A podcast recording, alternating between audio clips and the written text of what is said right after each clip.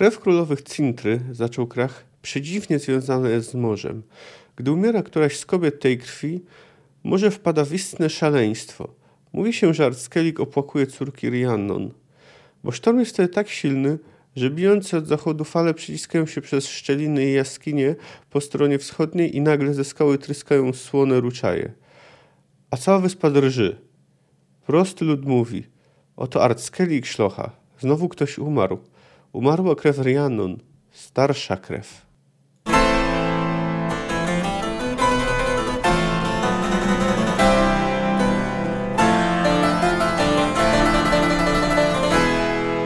Cześć, jestem Kamil K., a Ty słuchasz mojego podcastu Fantastyka Krok po Kroku. Analizuję w nim rozdział po rozdziale lub opowiadanie po opowiadaniu wybrane książki fantastyczne. Zapraszam.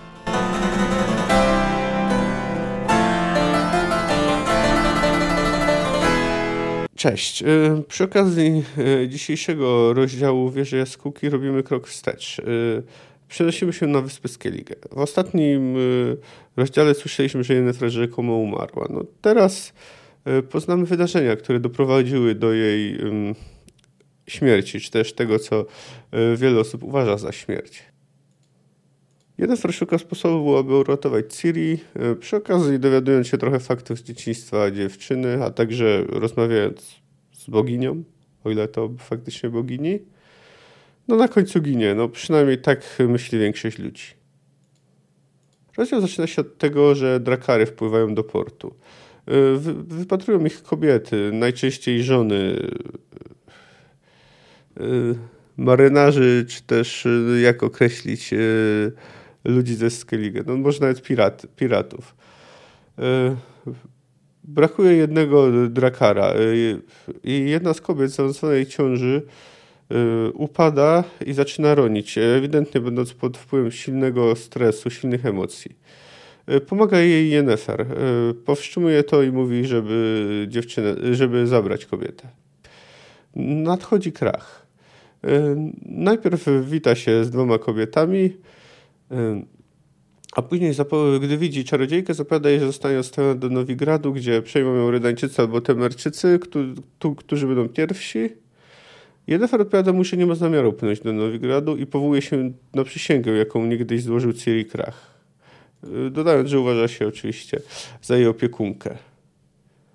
Krach, przynajmniej na początku, nie do końca wierzy czarodziejce, ale jednak uznaje um, jej powołanie się na przysięgę, no i radzą jej jedzą obiad y, czy tą kolację. Ku oburzeniu kucharza Yennefer nie chce jeść nic związanego z morzem, bo kojarzy jej się to no, z ucieczką z Montelcalvo, z Fringillą Vigo, z lądowaniem w morzu.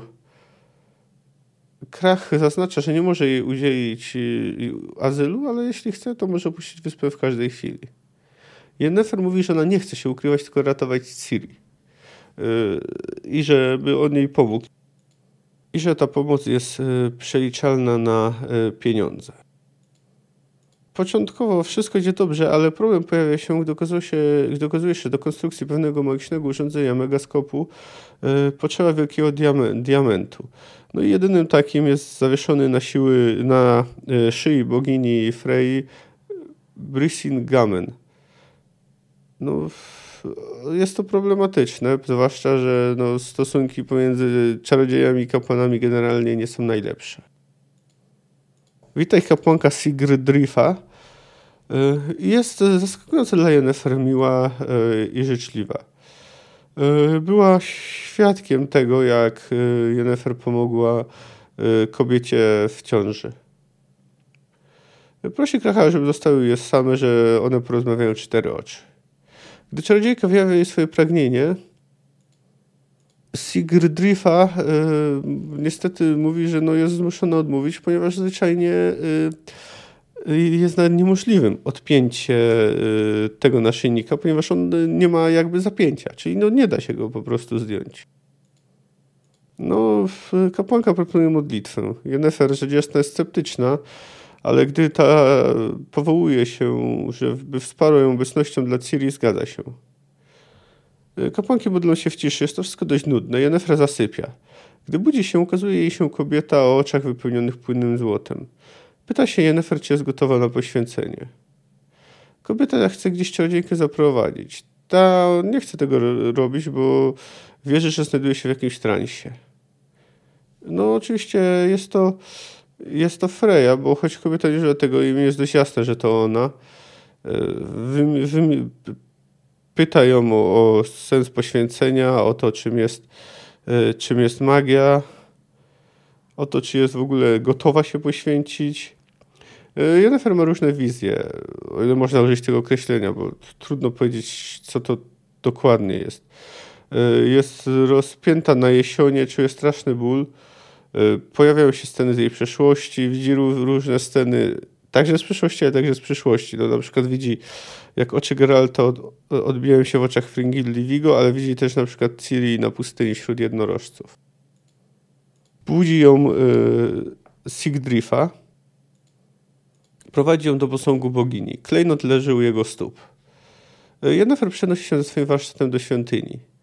Y, Krach, y, zanim to zrobi, jeszcze Krach ją ostrzega, że chociaż jeszcze nie E, niezlokalizowana jej, to zostało jej ostrzeżenie, że może się pojawić, czyli okno czasowe, jakim dysponuje, e, staje się e, coraz węższe.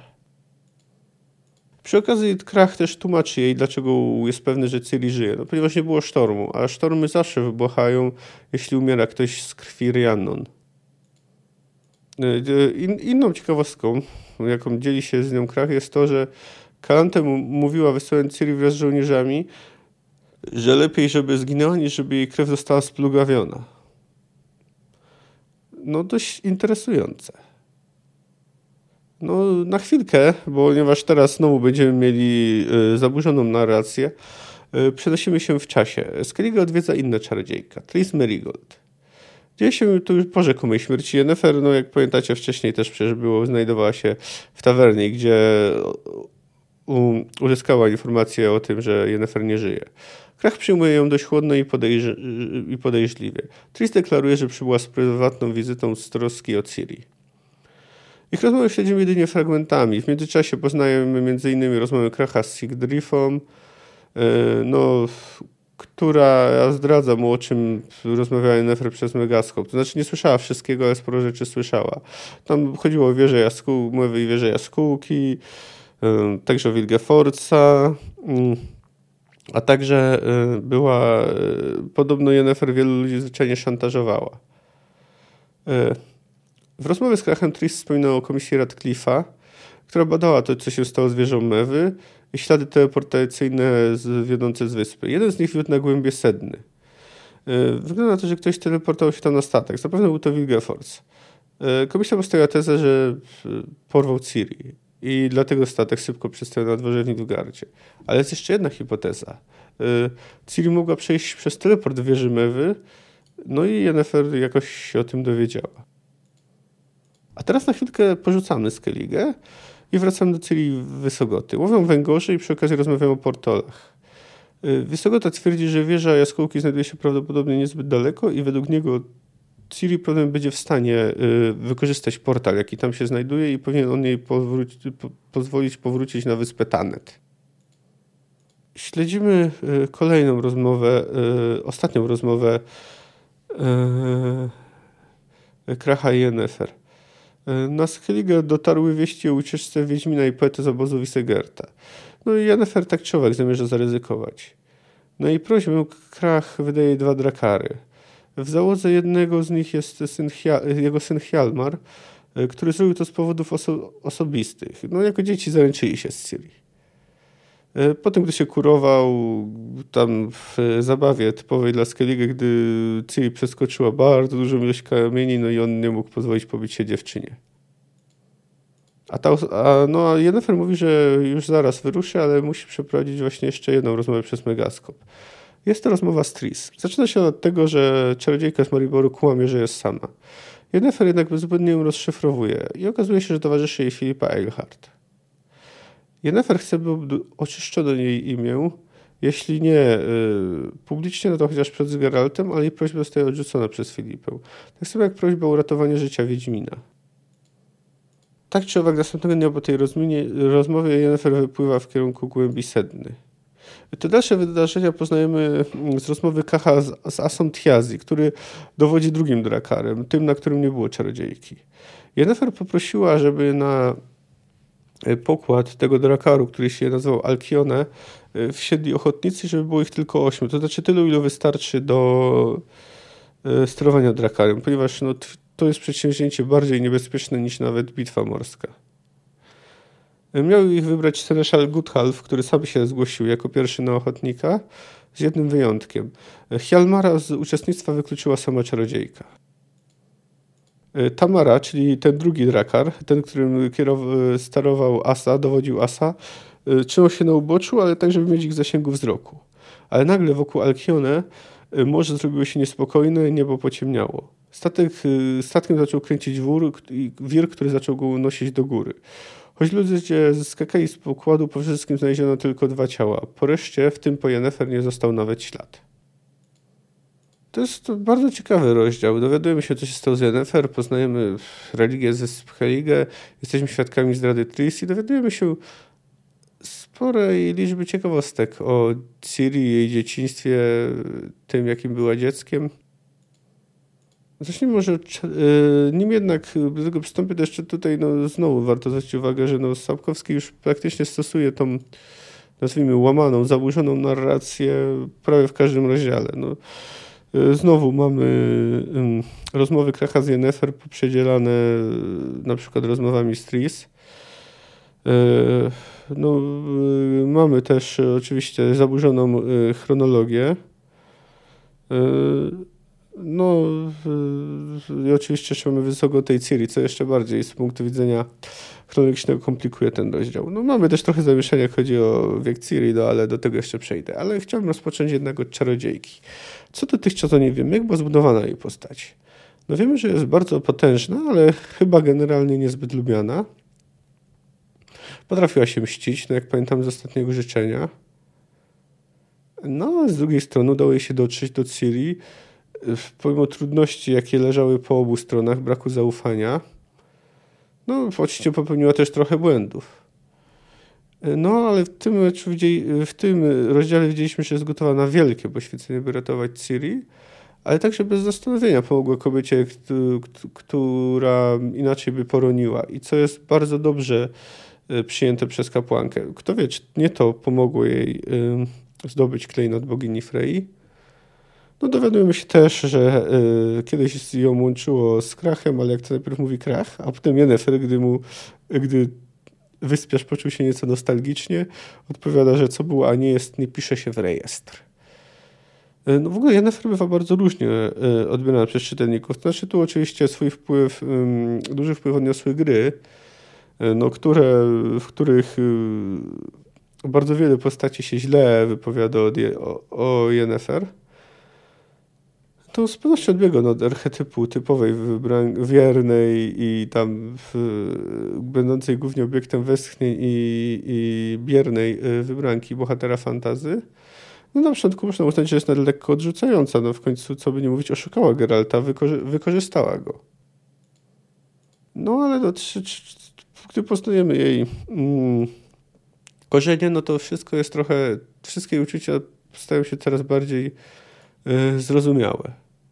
No, o serialach nie wspominam, bo polski był stary i w sumie w nim Jennifer było nawet, było nawet słabo zarysowana, no a, a postać serialu od Netflixa zbyt um, daleko odbiegła od y, książkowej Jennifer, by było to w jakiś y, sensowny sposób um, można to w jakiś sensowny sposób opisać. Tak czy owak, sensem widzimy i czarodziejki, chociaż bardzo wyboisty, to jednak ostatecznie wydaje się, że pomógł im obojgu. No oczywiście nie wiadomo, jakby się to wszystko, e, jakby, czy by tak było, gdyby nie pojawiła się Siri. O, dzięki niej obydwoje dojrzeli, wydorośleli. No i dzięki tej rozmowie w czasie pogardy, chociaż no, to jeszcze wszystko nie zakończyło, skoro Gerald jest później przekonany, że go zdradziła, jak już to wiemy.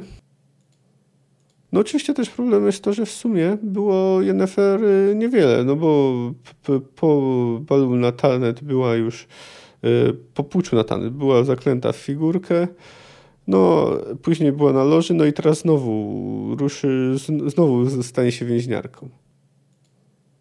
ale jest gotowa do niesienia pomocy zwykłym ludziom, jak to wskazuje kapłanka Sigdrifa. Gdzie się już widziałam, pomyślała Yennefer. Niedawno. Gdzie? Na schodach Trollde prowadzących do portu, przypomniała z uśmiechem kapłanka. Gdy drakary wypływały z sundu. Stałam nad tobą, gdy niosłaś pomoc zaczynającej już ronić brzemiennej kobiecie.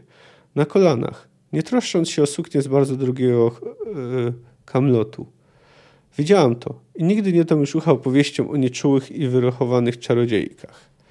E, no raczej trudno uznać, że była to ze strony Yennefer yy, jakakolwiek yy, za, zagrywka, użyjmy takiego słowa, PR-owa. No po prostu zauważyła, że trzeba komuś pomóc, no to stwierdziła, że, że, że, że trzeba to zrobić. No to, to, żeby zrobić dobre wrażenie na krachu, no nie, no, no, trudno w to uwierzyć. Zresztą tutaj pomogła matce, a ponieważ y, to właśnie ta y, rodzicielstwo jest, y, macierzyństwo jest bardzo istotne dla Yennefer, no więc już w sumie to jest trochę naturalne, że, że, że pomogła w tej sytuacji. No i wydaje się, że Yennefer bywała wcześniej na Skellige, no już wskazuje na to choćby roman z Krachem, wie, jak ważne są pewne przysięgi dla wyspiarzy. No w końcu jakby nie patrzeć, Krach uważał ją za zdrajczynię i zamierzał wysłać do Nowigradu, co prawdopodobnie oznaczałoby dla niej wyrok śmierci.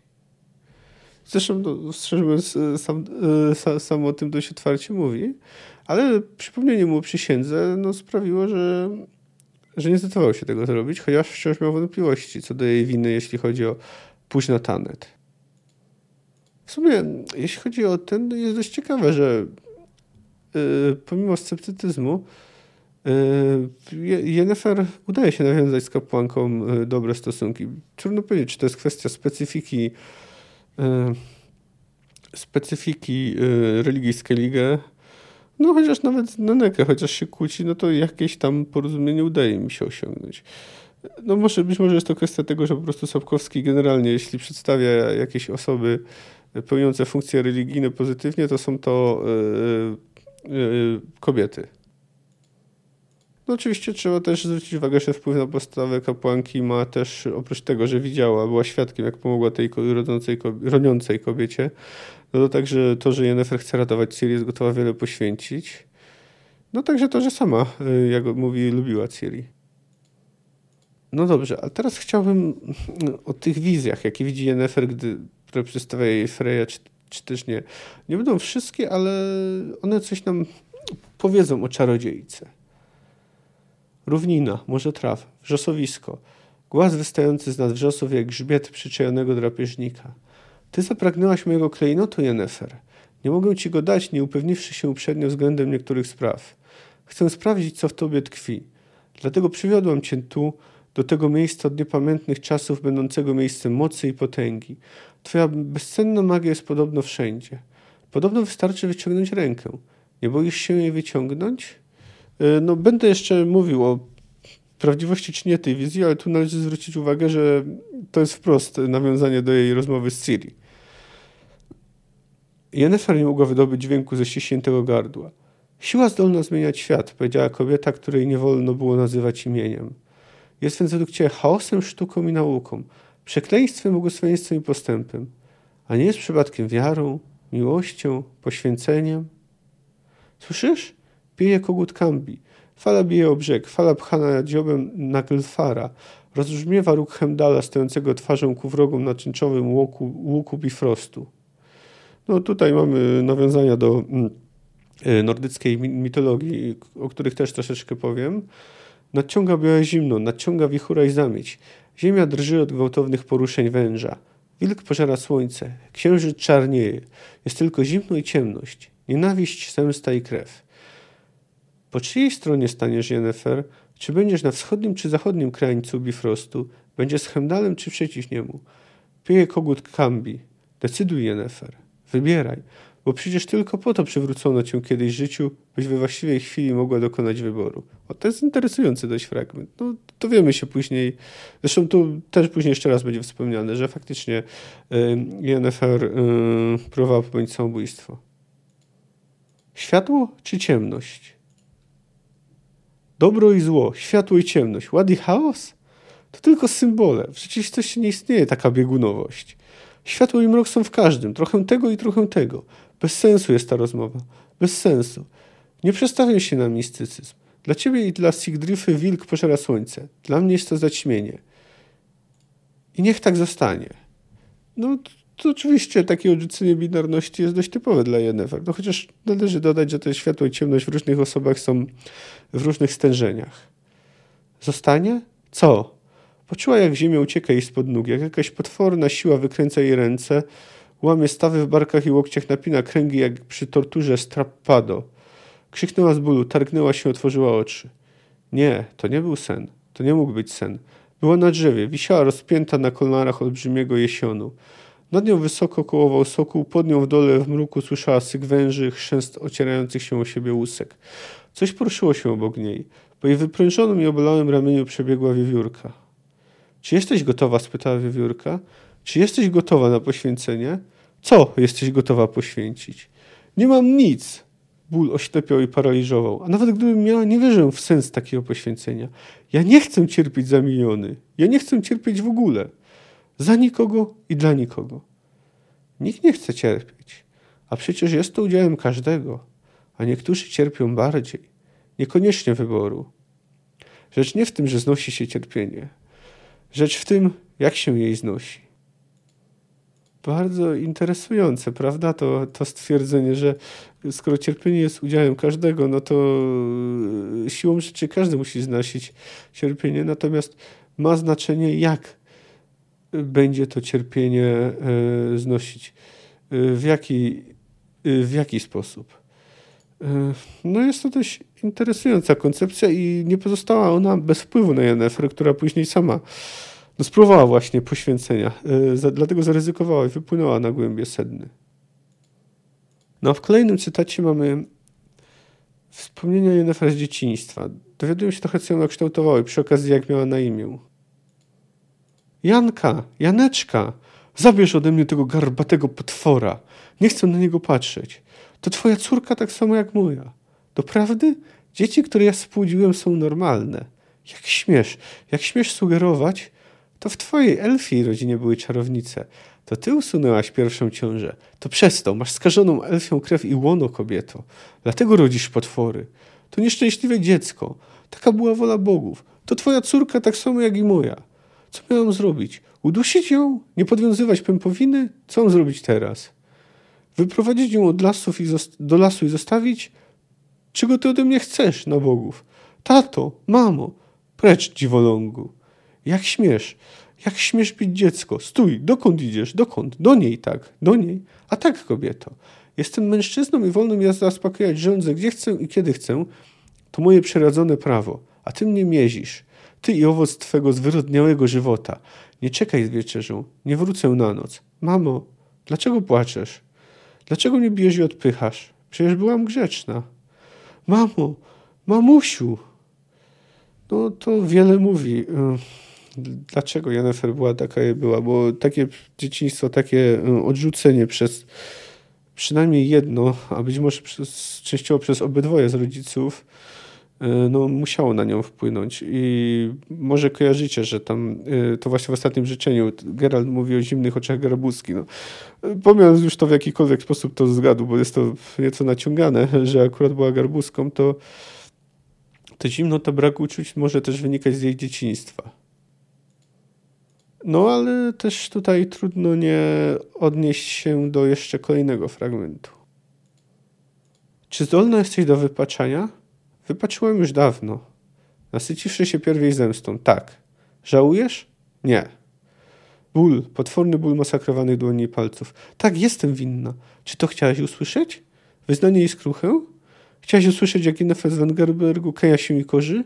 Nie, tej przyjemności ci nie dam. Winy wyznają i oczekuję kary. Ale ty nie doczekasz się mojej skruchy. Ból sięga granic tego, co człowiek jest w stanie wytrzymać. Wypełniasz mi zdradzonych, oszukanych, wykorzystanych? Wypełniasz mi tych, co umarli przeze mnie z własnej ręki, z mojej ręki? To, że podniosłam kiedyś rękę na siebie? Miałam widać powody i nie żałuję niczego. Choćbym mogła cofnąć czas, nie żałuję niczego. Sokół usiadł na jej ramieniu. Wieża jaskółki, wieża jaskółki.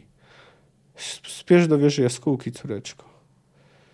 Interesujące jest to zdanie o, o zemście. To dzieje się zaraz po tej właśnie wizji dzieciństwa, więc no można z dużą pewnością wydedukować, że Jennifer zabiła przynajmniej swojego ojca. Być może obydwoje rodziców, ale ojca y, niemal na pewno. No tu też mamy próbę samobójczą, o której też dowiemy się później więcej.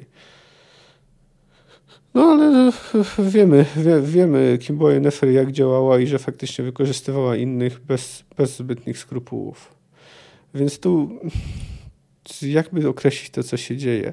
Oczywiście to zależy od tego, jak zinterpretujemy jej wizję. Czy to naprawdę była bogini, czy to było tylko mm, efekt transu, a, może nawet autotransu, y, w jaki może nawet sama siebie wprowadziła. No, y, no w każdym razie tu mamy pewne, może nie rozliczenie się, rozliczenie się z przeszłym, można tak, tak to określić. Można to określić jako pewną refleksję na jej temat. No ale jak widzimy, Jennifer się swojej przeszłości i swoich czynów y, nie wyrzeka. No dobrze, no ale jest jeszcze to wypłynięcie na głębie sedny. Y, Jennifer wiedziała, że jej rozmowy są podsłuchiwane. Wiedziała, że musi działać szybko. Y, no ale tutaj trzeba dodać, że może no, powiedzieć, że starała się nie narażać większej ilości ludzi niż było to konieczne. Dlatego mm, zabroniła Helmerowi, dlatego bardzo ograniczyła załogę tego statku, Drakara, na który wsiadła.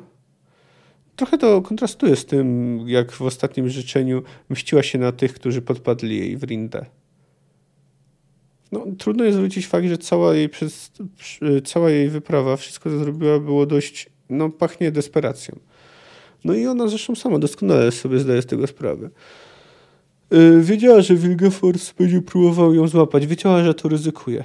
Ale była w desperacji. Spróbowała ratować Ciri, spróbowała poświęcenia. No poza tym, yy, zresztą mówiła dość otwarcie yy, Filipie i Tris, że może zginąć. No ale liczyła, że przynajmniej może wtedy ktoś będzie w stanie namierzyć Wilgefortza. Oczywiście no nie wiedziała, że czarodziej nie ma Ciri, że w gruncie rzeczy y, może mu spróbują wykorzystać, aby znaleźć dziewczynę. Y, no ale no, nie miała innej opcji. Y, no, nie była w stanie zlokalizować wieży jaskółki, no i nie miała do tego środków. A swoją drogą to jest ciekawe, że nikt z czarodziejów tego nie, tego nie zrobił. Być, być może po prostu w to nie wierzyli, ponieważ taka była teoria, że, że te ruiny tam wieży jaskółki nic nie robią. No inna sprawa, że no jak, wiem, jak się dowiemy, mogą użyć ich tylko wybrane osoby. Że ona nawet ukaże się tylko wybranym osobom. No i jeszcze tutaj o stosunku z Wiedźmin, do Wiedźmina trzeba powiedzieć. Cóż ona mówi Krachowi na jego temat. Powtarzam. Ciri nie ma w Nilfgardzie. Co zamierza mój, jak to zechciałeś określić Wiedźmin, nie wiem, ale on... Krach, nie jest tajemnicą, że ja go darzę sympatią. Ale wiem, że on Ciri nie uratuje, nie osiągnie niczego. Ja go znam. On zaplącze się, zagubi, zacznie filozofować i użalać się nad sobą. Potem wyładuje gniew, rąbiąc mieczem co i kogo popadło. Potem w ramach ekspiacji dokona jakiegoś szlachetnego, acz bezsensownego wyczynu. W końcu zaś pewnie zostanie zabity głupio, bezsensownie, zapewne ciosem w plecy szczerze mówiąc, to ta charakterystyka i to przewidywanie nie odbiega tak daleko od rzeczywistości. Geralt wszystko, co robił i użalał się nad sobą i filozofował, no i był blisko wpadnięcia w pułapkę, miał w sumie szczęście. No pomogło mu też to, że spotkał kompanów, no ale przecież tego Yennefer nie mogła wiedzieć. No ale ostatecznie uratował Ciri i trochę Yennefer w sumie też.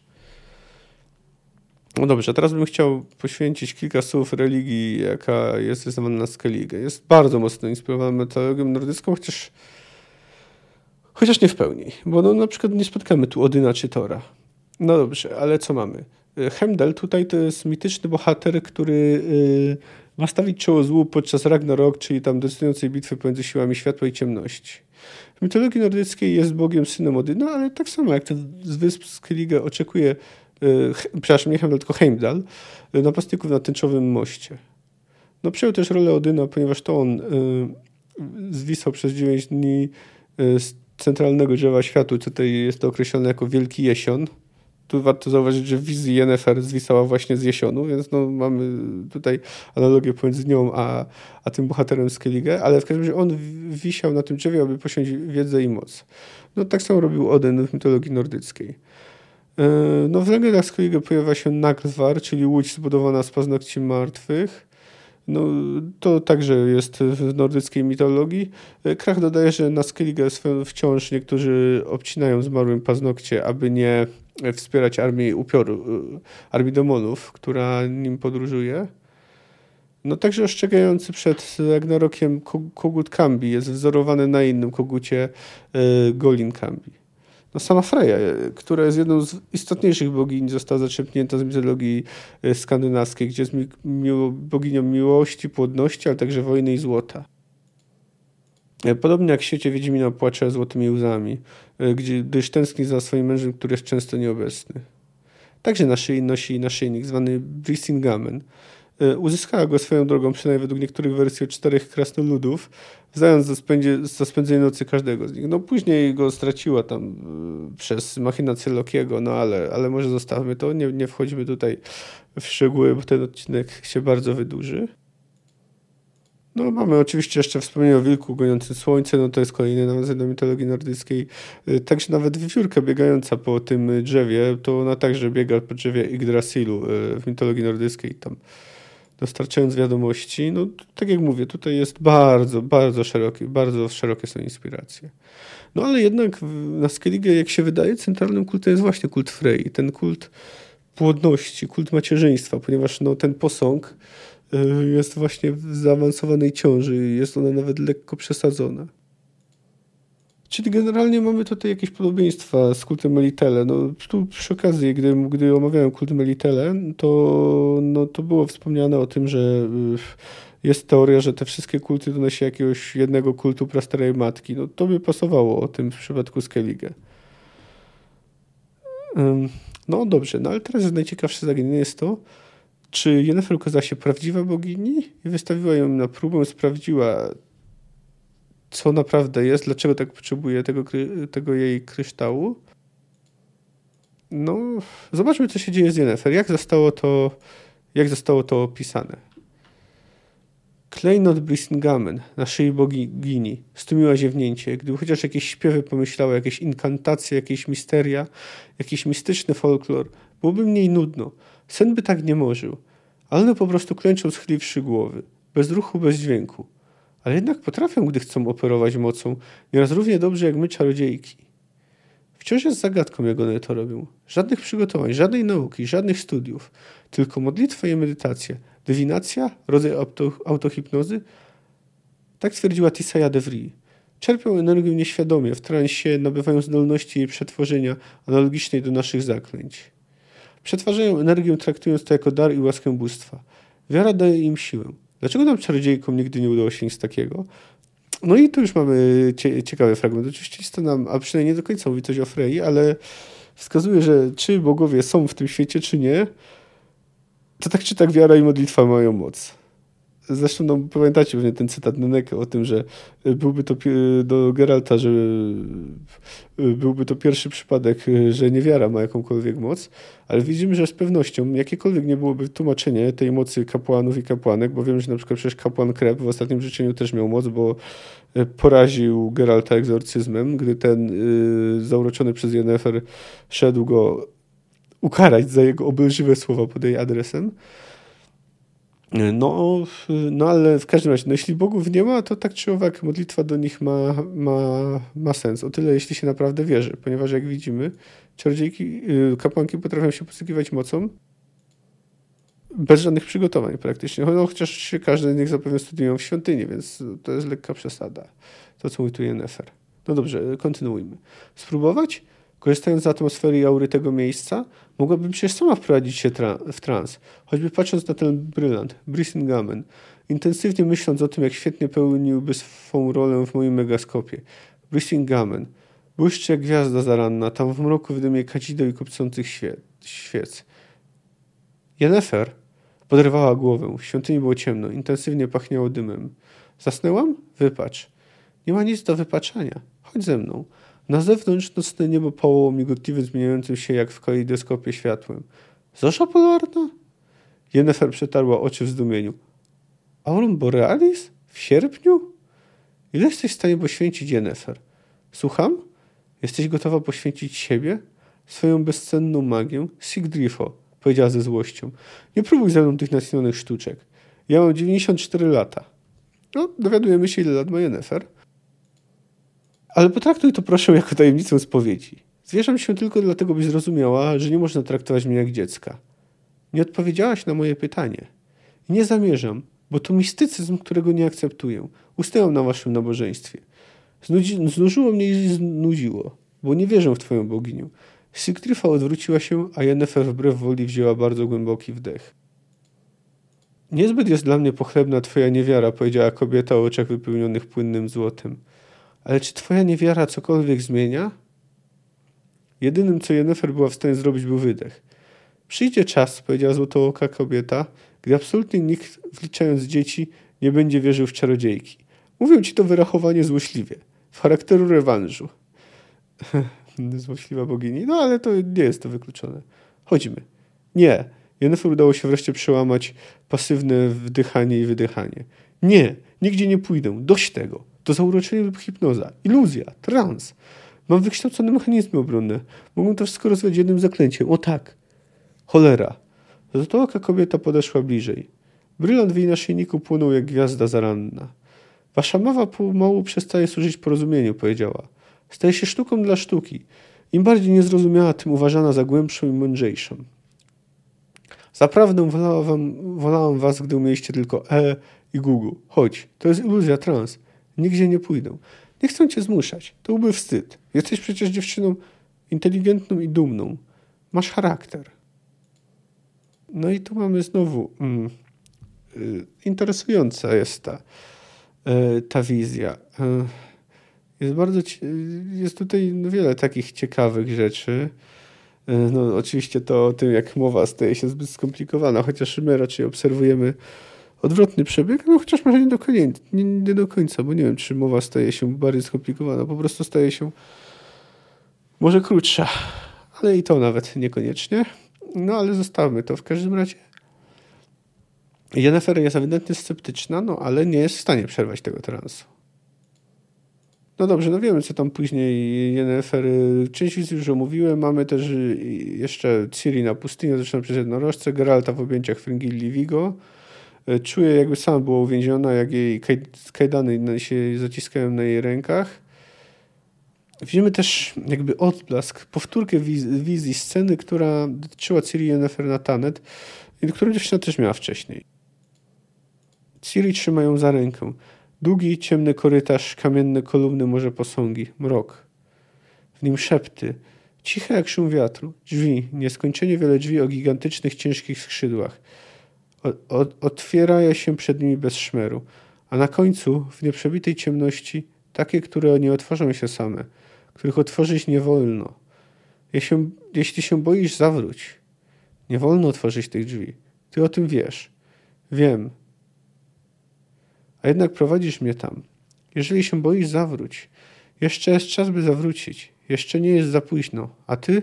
Dla mnie jest. Pieje kogut Kambi. Nadszedł tej, Ted Deidrach. Aurora Borealis. Świt. No po tej scenie Klejno znajduje się u stóp bogini. No więc właśnie. Czym jest ta osoba, byt, mm, który, z którym rozmawia Jennefer? Yy, właśnie tutaj. No, możliwe są trzy osoby. To może być prawdziwa bogini Freya. A to oznaczałaby, że w całym panteonie wiedźmińskiego świata jest przynajmniej jedna prawdziwa bogini. Możliwe też, yy, że Jennefer, yy, Yennefer próbowała wprowadzić się w autohipnozę no to dość jednoznacznie wynika z tego cytatu, postanowiła spróbować wprowadzić się w ten trans. No więc może jej się to udało. E, no, na to mogłoby wskazywać to, że te wizje, które ma, nawiązują, to co mówi Freya, częściowo nawiązuje do jej wcześniejszych przeżyć. No to oczywiście bogini też by mogła posiąść taką wiedzę. Nie ma przed tym przeszkód. Ale no nawiązują na przykład tutaj do tego, co mówiła Ciri, no i od, do tego, co ją spotkało z Ciri. No możliwe, że to jakaś sztuczka albo efekt modułów kapłanów. Mod, mod, modułów kapłanek. Też jest to. Też jest to przecież... Yy, absolutnie nie da się tej tezy wykluczyć. No więc, która z nich jest prawdziwa? Ja skłaniam się y, do tego, że to naprawdę y, ukazała jej się prawdziwa bogini i naprawdę ta bogini oddała jej swój kamień. To nie jest y, w sumie nie, nie jest to poparte niczym, oprócz tego, no, że, że, że, że tak mi pasuje, że tak mi się wydaje. Ja wiem, że Sapkowski w którymś tam wywiadzie powiedział, że nie ma żadnych prawdziwych bogów i tak dalej, i tak dalej, ale pierwsze Sapkowski no, często w wywiadach mówi różne rzeczy, a po drugie ja generalnie jestem sceptyczny wobec e, traktowania jako prawdy objawionej tego, co autorzy nie pokazują bezpośrednio w tekście. Jeśli jest pole do interpretacji, to czytelnik ma do niej e, prawo. Taka jest moja opinia. Nawet jeśli ta interpretacja może być błędna. No i inna sprawa, że autor też może pewne rzeczy przekazywać nie do końca świadomie. Dobrze, to załatwiliśmy mniej więcej Yennefer i prawdziwość, czy też nie bogini Frey. To znaczy, w sumie ustalenie jest takie, że nie wiemy. No to teraz e, trzeba coś powiedzieć o Ciri. No, pojawia się w tym rozdziale raczej krótko, ale jej dialog z Wysokotem jest interesujący. Ponieważ e, tutaj Wysokota twierdzi, że mówił, że E, twierdził tak Geoffrey Monk, czyli no wiemy, jeden z potężniejszych, jeden z legendarnych już wręcz czarodziejów. Wieża jaskółki jest połączona z wieżą Mewy. Oczywiście wieża, portal Torlara, czyli wieża Mewy był spaczony, bo dziewczyna to zaznacza, ale może portal z wieży jaskółki nie. Jeśli nie, to wtedy być może mogłaby trafić na Tanet. No nie to, czy byłoby to takie dobre, bo to jest przecież tam Margarita jest członkinią loży i generalnie opiekuje się swoimi dziewczynami, no ale no nie wiadomo, co by się działo, ale być może zapewniłaby Ciri chociaż naukę. No i dziewczyna byłaby względnie y, bezpieczna. A przecież i tak dobrze ostatecznie nie zdołałaby jej kontrolować, bo Ciri się po prostu y, kontrolować nie da. Ale jak już jesteśmy przy wieży jaskółki, to warto zacytować otwierający ten rozdział fragment. Od grodu starożytnego i sławnego Asengardu uszliśmy może ze sześć setek stajeń na południe do kraju zwanego Stojeziory. Gdy ze wzgórz na ten kraj poglądnąć, ujrzy się one liczne jeziora, sztuczną zaiste rzeczy koleją ułożone we wzory rozmaite. Wśród tychże wzorów przewodnik nasz, elf Avallach, kazał nam takiego szukać, którym podobny jest do liścia tribilium. I rzeczy samej, tagowy wypatrzyliśmy. Po czym wyjawiło się, że nie trzy, ale cztery jest jezior, bo jedno, podługowate z południa na północ się ciągnące, jest jakoby one, onego liścia szypułką. Jezioro to, zwące się Tarnmira, czarnym jest otoczone los, lasem, a u północnego jego krańca baszta owa tajemna wznosić się jakoby miała. Wieżycą jaskółki nazywana, w elfów zaś mowie Tor Zirael. Zrazu jednakowoż nie widzieliśmy nic, jeno mgłę. Jużem się sposobił, by elfa Wallacha o wieżę ową zagadnąć, gdy tenże dał znak milczenia. Sam zaś w te słowa rzekł. Czekać i mieć nadzieję. Nadzieja powróci ze światłem i z dobrą wróżbą. Baczcie na bezmiar wód, tam ujrzycie y, postów, po, tam ujrzycie posłów dobrej nowiny. Buit Bakheisen, peregrinacje po szlakach i miejscach magicznych. No jest jeszcze drugi cytat. Ta książka od początku, to od początku do końca humbug. Ruiny nad jeziorem Taranmira były wielokrotnie badane. Nie są magiczne. Wbrew enuncjacjom B. Backheisena nie mogą wtedy być pozostałością legendarnej wieży jaskółki. Cóż, Backheisen miał rację i swoją drogą Ciri określa jego styl pisania jako dziwaczny, no i faktycznie tak było. No tutaj widoczne są liczne archaizmy. Yy, no wysoko tam ma zresztą tę książkę u siebie. Ciri ma okazję przeczytać nieco więcej. Nie będę może czytał wszystkiego, ale samą końcówkę warto przytoczyć, bo jest ona istotna w kontekście, w kontekście Ciri. Spostrzegł naszą admirację elf Avallach i rzekł Oto Torzireal, wieża jaskółki, oto brama światów i wrota czasu. Naciesz człowieku oczy tym widokiem, bo nie każdemu i nie zawsze bywa on dany. Pytany zaś Azali przybliżyć się można i z bliska nową wieżę poglądnąć, albo propriamanu dotknąć, zaśmiał się Avallach. Torzireal rzekł to dla was marzenie senne, nie dotyka się marzenia. I dobrze to dobawił, albowiem wieża służy jedynie wiedzącym i nielicznym wybranym, dla których wrota czasu są bramami nadziei i odrodzenia, ale dla profanów są to bramy koszmaru. Ledwie te słowa wyrzekł, opadły znowu mgły i prospektu owego czarownego oczom naszym odmówiły. No, ogólnie cytat jest dość ciekawy, no więc dowiadujemy się, że jeśli by oczywiście traktować to jest poważnie, no ale możemy, bo wiemy, że Awallah faktycznie istnieje i ma sporo lat, skoro znał Larę Doren. Mm. No i wiemy też, że, yy, że faktycznie jest wiedzącym, posiada dość szerokie możliwości. Wysoko to uważa, że Cyril jest wybranką, mając zresztą rację. Czyli, a tu wyraźnie Wallach mówi, że wybranym yy, może się może się okazać. No tu już mamy kolejny sygnał, że Ciri yy, jest władczynią czasu. No ale dowiadujemy się też trochę jej dzieciństwa. No, tu będą długie cytaty, ale moim zdaniem dość interesujące. Aha, byłbym zapomniał. Y, to jest rozmowa Kracha z Yennefer. Y, w załodze Tamary będzie też mój syn, Hjalmar Krzywogęby. Twój syn? Ile ma lat? 19. Wcześniej zaczynałeś. Przyganiał kocioł garnkowi. Hjalmar prosił o włączenie go do załogi z powodów osobistych. Nie mogłem od odmówić. Z powodów osobistych? Naprawdę nie znasz tej historii? Nie. Opowiedz. Krahan Krajt wychylił róg, zaśmiał się do swoich wspomnień. Dzieciaki z Artskelik zaczął. Uwielbiają zimą bawić się na łyżwach. Doczekać się nie mogą na mróz. Pierwsze wyłażą na lód, ledwo skuje jezioro na tafę tak cienką, że dorosłych by nie utrzymała. Ma się rozumieć, najlepszą zabawą są wyścigi. Rozpędzić się i gnać ile sił z jednego krańca jeziora na drugi. Chłopaki zaś urządzają zawody w tzw. Tak skoku łososia. Polega to na skakaniu na łyżwach e, przez przybrzeżne skałki, sterczące z lodu jak rekinie zęby. Tak jak łosoś, gdy skacze przez progi wodospadów. Wybiera się odpowiednio długi rząd takich kamieni, bierze rozpęd. Ha, sam tak skakałem jako smarkacz. Krachan Krajt zadumał się, uśmiechnął lekko. Oczywista, bo takie zawody wygrywał i puszył się po tym jak paw ten, kto przeskoczył najdłuższy rząd głazów. W swoim czasie, Jennefer, ten zaszczyt często przypadał twemu uniżonemu słudze i obecnemu rozmówcy, hehe. W czasie, który nas bardziej interesuje, czempionem bywał mój syn Hjalmar. Skakał przez takie kamienie, przez które żaden z chłopaków nie ośmielał się skoczyć. I chodził z zadartym nosem, wyzywając wszystkich, by spróbowali go pokonać. I podjęto jego wyzwanie. Ciri, córka Pawetty z Cintry. Nawet nie wyspiarka, choć się za taką uważała, jako że spędzała tu więcej czasu niż w Cintrze. Nawet po wypadku Pawetty? Myślałem, że, Kalente za, że Kalante zabroniła jej tu bywać. Wiesz o tym? Spojrzał na nią bystro. No tak, ty dużo wiesz, Yennefer. Dużo. Gniew i zakazy Kalante nie trwały dłużej niż pół roku. Potem Ciri znowu zaczęła spędzać tu lata i zimy. Na łyżwach jeździła jak czart, ale żeby skakać łososiem w zawody z chłopakami i wyzywać Hjalmara? W głowie się nie mieściło. Skoczyła, domyśliła się czarodziejka. Skoczyła. Skoczyło to małe cintryjskie półdiablę. Prawdziwe lwiątko z krwi lwicy. A Hjalmar, by nie narazić się na pośmiewisko, musiał zaryzykować skok przez jeszcze dłuższy rząd kamieni.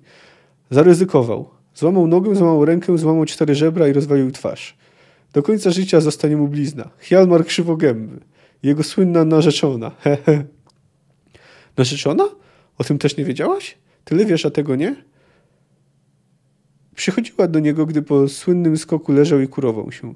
Czytywała mu, opowiadała, trzymała za rączkę, a gdy kto wchodził do komnaty, czerwienieli oboje jak dwa maki.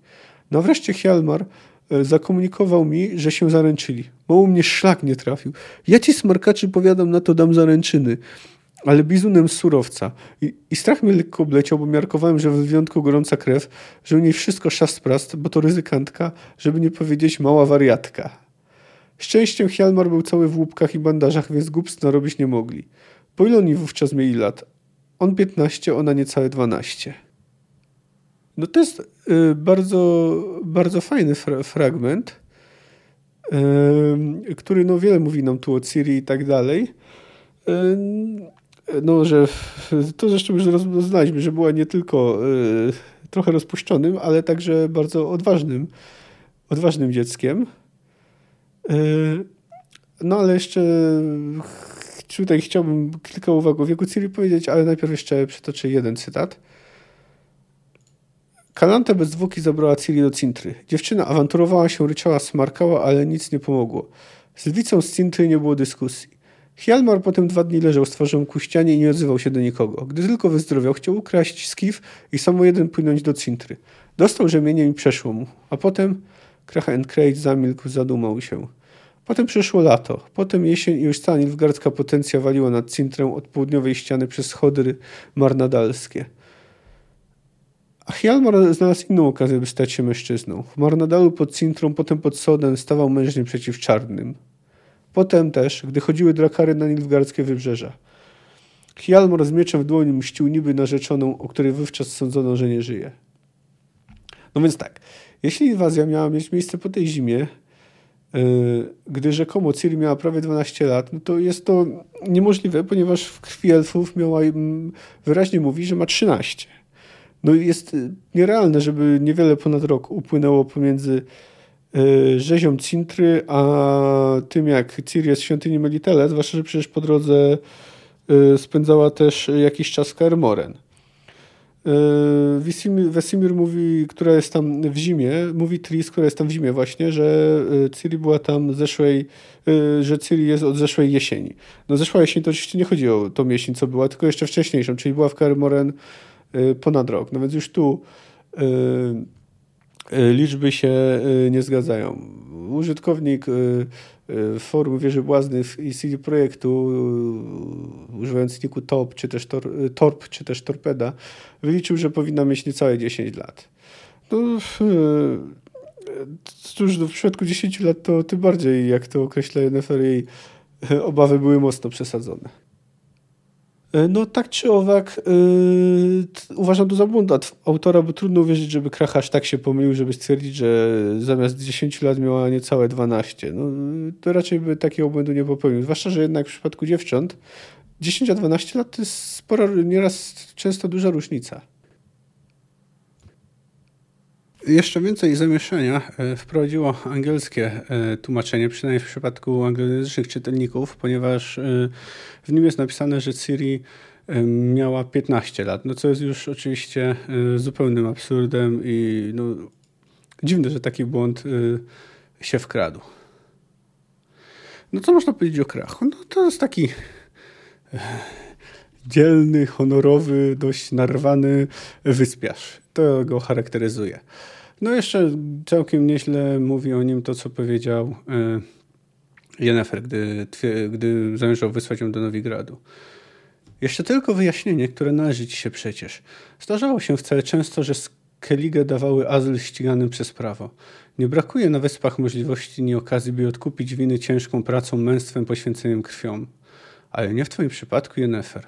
Tobie azylu nie udzielę, jeśli na to liczyłaś, przeliczyłaś się. Ja nienawidzę takich jak ty.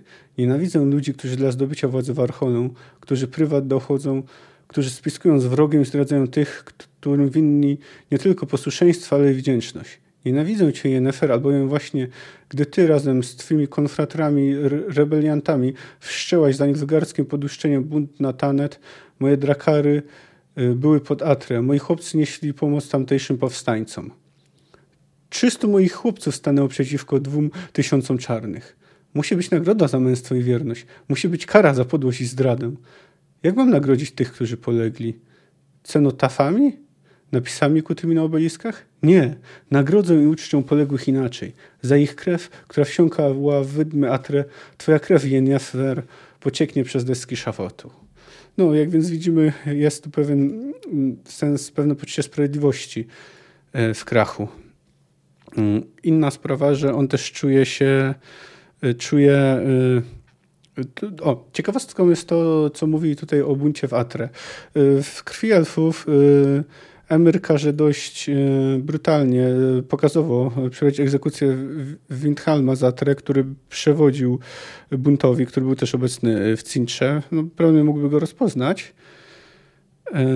No ale jak widzimy, ten bunt trochę potrwał, skoro jeszcze podczas buntu w Tanet trwał. No ale też y, trzeba przyznać, że y, Krach y, jest dość pewny swojej pozycji politycznej. Ale NFR, wydaj te polecenia szybko, pośpiesz się. Odebrałem nowe wieści. Cholera, tego się obawiałam. Wiedzą już, gdzie jestem? Nie, jeszcze nie wiedzą. Ostrzeżono mnie natomiast, że możesz pojawi się pojawić na Skellige i polecono natychmiast uwięzić. Polecono też brać na wyprawach jeńców i dywulgować z nich informacje, choćby nawet strzępki informacji dotyczących ciebie, twojej bytności w Nilfgaardzie lub w prowincjach. Jennefer, pośpiesz się. Gdyby cię wyśledzili i dopadli tu, na Skellige, znalazłbym się w lekko kłopotliwej sytuacji. Zrobię co w mojej mocy, także w tym kierunku, by cię nie skompromitować. Nie bój się, Krach wyszczerzył zęby. Powiedziałem, lekko. Ja się ich nie boję, ani królów, ani czarodziejów. Nic mi nie mogą zrobić, bo jestem im potrzebny. A do tego, by udzielić Ci pomocy, byłem zobowiązany przysięgą lenną. Tak, tak, dobrze słyszysz. Formalnie nadal jestem wasalem korony Cintry, a Cyrilla ma do tej korony formalne prawa. Reprezentując Cyrillę, będąc jej jedyną opiekunką, masz formalne prawo rozkazywać mi i domagać się posłuszeństwa i serwitutów. Kazuistyczne sofizmaty. No pewnie, parsknął. Sam to zakrzyknął wielkim głosem, gdyby mimo wszystko okazało się jednak prawdą, że Emr War Emrejs zmusił dziewczynę do małżeństwa. Także wtedy, gdyby za pomocą jakichś prawniczych kruczków i zakrętasów wyzuto Ciri spraw do tronu i podstawiono kogoś innego, choćby tego Bencwała Wisegerda. Wtedy bez zwłoki wypowiem posłuszeństwo i przysięgę lenniczą. No dobrze, to mamy tyle o naszym wyspiarzu, no ale trzeba jeszcze kilka słów poświęcić Tris. No i trzeba przyznać, że ten rozdział to stawiam zdecydowanie w fatalnym świetle. Po prostu absolutnie katastrofalnym. Przypominam, że ona twierdziła, że Ciri jest jej siostrzyczką. Cóż, no zdradziła i Ciri, i Geralta, i Yennefer. No Yennefer dobrze ją zna. Szybko rozszyfrowała, że kłamie, gdy mówi jej, że jest sama. Nie oszukasz mnie, Smarkulo. Znam tę twoją minkę, napatrzyłam się na nią. Miewałaś taką, gdyś zaczęła za moimi plecami sypiać z Geraltem. Wówczas stroiła się w identyczną, niewinną kurewską maseczkę, którą widzę na twojej twarzy teraz. I teraz znaczy ona to samo, co wtedy. Tris poczerwieniała. No więc właśnie. Potem Filipa odmawia kolejnym prośbom Yennefer. Nawet tego, by uratować Geralt, nawet temu, by uratować Geralta. Niby jest z nim y, zadłużona, ale nawet tu nie, nie zajmuje głosu i zabiera głosu. No, swoją drogą Filipa, oprócz tego, że jest bezwzględna i żadna władzy, jest też dość arogancka w swoim przekonaniu, że będzie w stanie kontrolować Syrię. Ale to jest chyba immanentna cecha y, czarodziejek. No a co tutaj z rady Geralta? Słyszałaś, Tris? Oto twoja loża, oto jej prawdziwe oblicze, oto jej prawdziwe interesy. I co ty na to? Byłaś dla dziewczyny mentorką prawie. Sama tak mówiłaś, starszą siostrą. A Geralt? Nie bierz Tris pod romantyczne włosy, Nefer. Filipa zrewanżowała się ogniem w oczach. Dziewczynę znajdziemy i uratujemy bez twojej pomocy. A jeśli tobie się powiedzie, to piękne i stokrotne dzięki. Wręczysz nas. Zaoszczędzisz fatygi. Ty wyrwiesz dziewczynę z rąk Wilgeforca, my wyrwiemy ją z twoich. A Geralt? Kto to jest Geralt? Słyszałaś, Tris? Wypacz mi, powiedziała głucho Tris Merigold. Wypacz Nefer. O nie, Tris.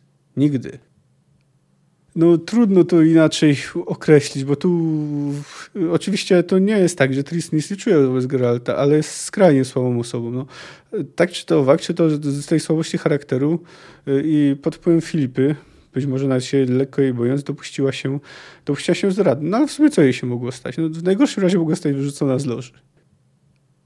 No skoro można tak nawet o Geralcie przy nim mówić, że no kto, a kto to jest w ogóle Geralt?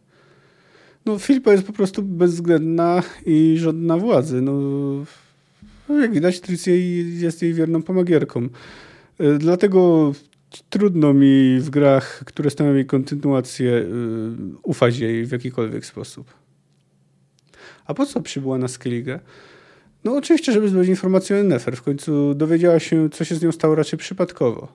Nie dawałbym wiary o tym zapewnieniom, że jest czysto prywatnie jest niemal pewne, że najpierw szukał niej informacji, przynajmniej za wiedzą, o ile nie z polecenia loży. Magii jest w tym rozdziale naprawdę dużo. No oczywiście megaskop, który zbudowała INFR, yy, no nie jest to jakieś, yy, jest to urządzenie, które pozwala się porozumieć yy, na odległość magicznie. Yy, I jest bardziej skomplikowana kryształowa kula, bo dowiaduję się, że kryształowa kula może komunikować się tylko z inną kulą, z którą została jakby skorelowana, czyli nawet nie z każdą kryształową kulą, tylko ze specyficzną kulą, do której została dopasowana. Dlatego, chociaż oczywiście nie jest to w żadnym razie mm, powszechny wynalazek, to posługują się nią, nimi nie tylko czarodzieje. Natomiast co do megaskopu, no to można się połączyć z kimś bez, y, nie tak prosto, chociaż oczywiście można też taką komunikację zablokować. Więc no jest, jest to taka ciekawostka. Natomiast magiczne też było z pewnością to, co się stało z Alkione. No tutaj też pozwolę sobie przytoczyć długi cytat. Tam, gdzie myśmy byli, Tamara znaczy, spokojnie było. Choć wicher trochę świszczał i nieboskłon pociemniał od chmur tak, że y, z dnia noc się niemal uczyniła. Ale tam, gdzie było Alkione, tam piekło się rozpętało z nienacka. Piekło prawdziwe. Żagiel Alkione załopotał nagle tak gwałtownie, że słyszeli to łopotanie mimo dzielącej drakary odległości. Niebo pociemniało, chmury skłębiły się. Morze, które wokół Tamary wydawało się zupełnie spokojne, wzburzyło się i zagotowało grzywaczami przy burtach Alkeone. Ktoś krzyknął nagle, ktoś zawtórował, a po chwili krzyczeli wszyscy.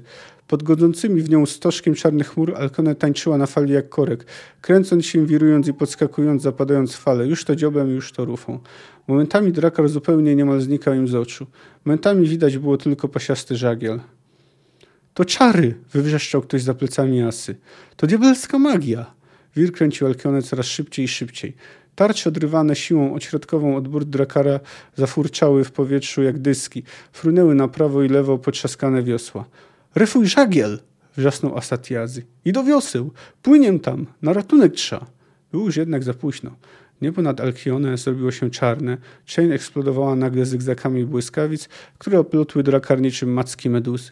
Skłębione w fantastyczne kształty chmury skręciły się w potworny lej. Drakar kręcił się w kółko z niesamowitą prędkością. Masz czasnął jak zapałka. Zarwany żagiel pąknął nad grzywaczami niby ogromny albatros. Wiosłuj wiara! Przez własne wrzaski, poprzez zagłuszający wszystko huk żywiołów, usłyszeli jednak krzyk ludzi z Alkiona. Krzyk tak niesamowity, że włosy stanęły im dęba. Im starym wilkom morskim, krwawym berserkerom, żeglarzom, którzy widzieli i słyszeli niejedno, puścili wiosła, świadomi bez siły. Osupiali, przestali nawet krzyczeć. Alkion, ne, wciąż wirując, powoli wzniosła się na fale wznosiła coraz wyżej i wyżej. Widzieli ociekający wodą, obrośnięty muszlami i glonami kil.